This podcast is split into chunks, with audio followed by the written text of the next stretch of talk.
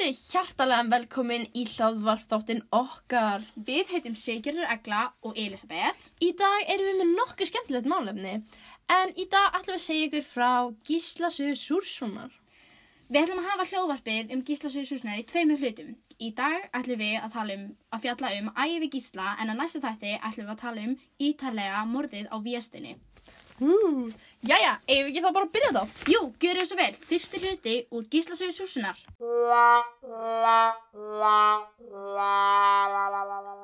Kynnum fjölskyldi Gísla. Uh, pappi og mamma Gísla heita Þorbjörn og Þóra. Þau eignast að fjögur börn, þau Þorgil, Gísla, Þordísi og svo Ara sem var reynda sendur í fóstur á ungum öldri. Bókin byrjar á því að þrý menn slást um Þordísi, þess að sýstir Gísla. Þeir Bárður, Kolbjörn og Skeggi. Bárður mjög ákveður að við að giftast Þordísi. Þorbjörn Gísli er ekki ánægð með hann, enda með því að Gísli drepur Bárð. Þorkell verið ósáttur með Gísla, fer að fund og semur við Skeggja. Þorkell vil að Skeggi drepur Gísla og þá má hann giftast Þordísi. Skeggi missir fótinn sem Gísli heggur af og sínir hans Skeggja vilja hefna hans og brenna bæinn hans Gísla og fjölskyldu en Gísla og fjölskylda ná að sleppa. Eftir þetta flytur fjölskyldan frá Noregi til Ísland. Ferðin tekur 120 daga og komaði að í Dýrafjörð. Byggja þau búð þar í Haugadal, byrja á búskapi saman þang til að fóreldra hans Gísla látast. Gísli og Þorgil taka við búinu.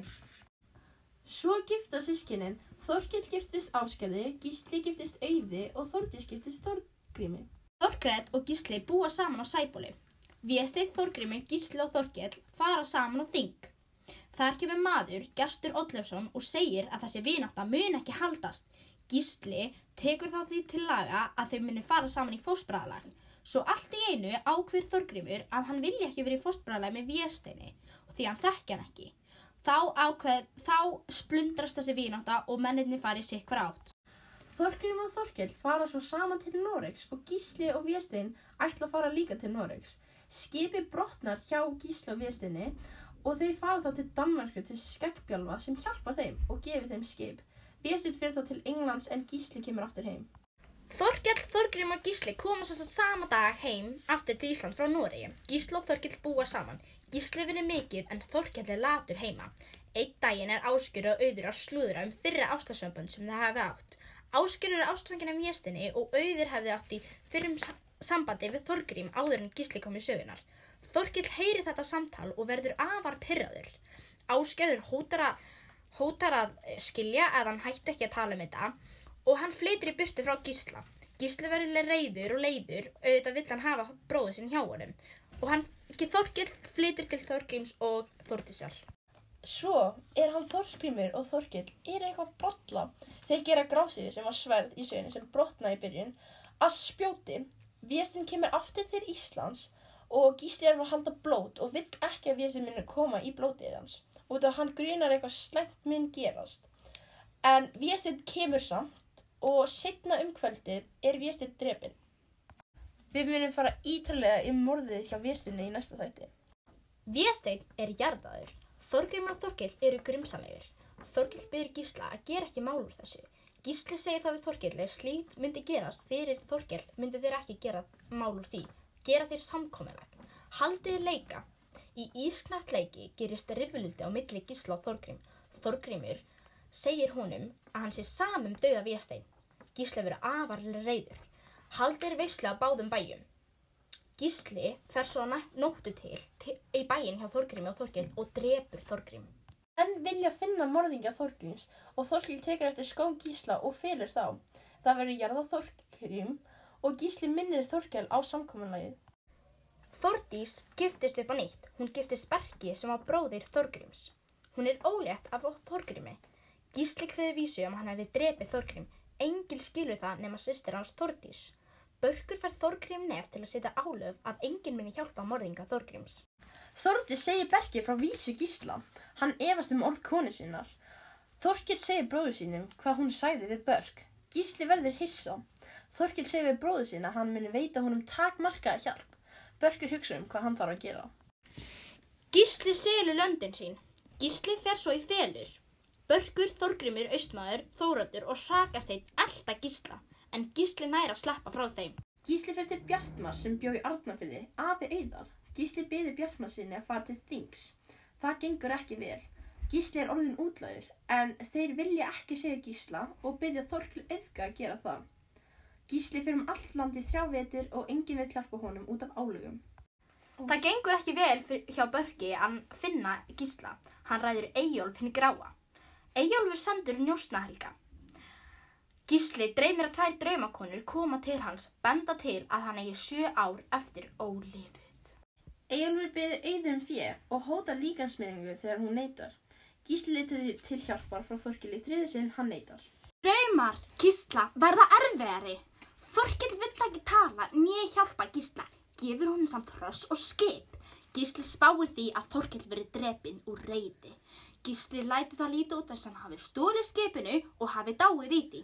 Hann fer til Ingjald í Hergilsey. Í Hergesei búa Ingjaldur og Þorgerður og þau eiga Helga sem er Ingjaldsfýbleið. Þar búa líka Bóthildur sem er ambátt og þrællin Svartur. Gísli dvelið þrjá vetur þar en hjá auðum sumrin njósnahelgi er sendur til Helgesei og 15 manns fara til Helgesei eftir Gísla. Sama dag og börkur koma er Ingjaldur og Gísli í fiskveiðum.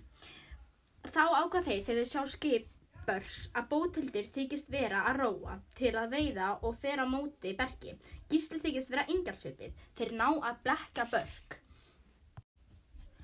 Börkur fattar að hann var leikinn. Refur og Áldís fela Gísla frá bergi. Börkur, Gestur og Þorkell fara á þing. Það eru tveir drengir sem fara með. Þeir drepa Þorkell. Drenginir hlaupa til skóar og fela sig. Þessi drengir voru véstinsinir og þeir heita Helgi og Bergur. Börkur veit ekki hvað hann að gera í máli með Þorkell og, og leita ráði hjá gesti. Gestur segir að láta málið falla niður. Drengirnir, Bergur og Helgi, hitta auði. Hún hjálpa þeim og sendi til Bjartmannsson í Mot Mosadal. Auði segir Gísla að Þorkell sé dáin. Hún spyr hann hvort hann vil hefna sín en Gísli getur það ekki. Draumakoma kemur svo í dreifin hjá honum á gráum hesti sem þýðir að hann á lítið eftir. Njósna Helgi og Hávaru sjá eldi í kleifum.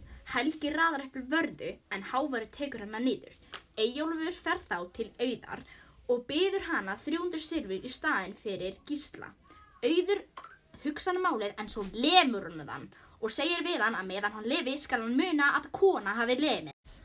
Vetrarnir sjö eru liðnir. Gísla dreymir illa og þorir ekki að vera einn. Guðrið og auður skilja eftir sér slóð sem auðvilt að rekja og óvinnur hans elda slóðina.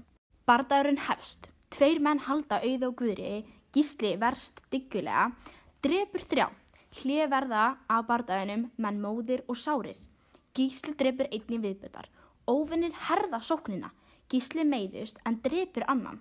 Svo, gís, svo deyr gísli. Gísli drap átta menn í bardagunum. Börkur er gladur því að Gísli er dauður.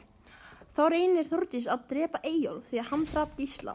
Það missast hjá henni þannig að Þórdís skilur við Börk. Ari Súrsson drepur Berg fyrir hemmt bróðu síns og Helgi fyrir til Grænlands og týnist þar í veiðuferð. Auður og Gunnhildur sem er ekki viðsteins taka kristna trú og Ari Súrsson fyrir til Íslands og eignast afkomendur.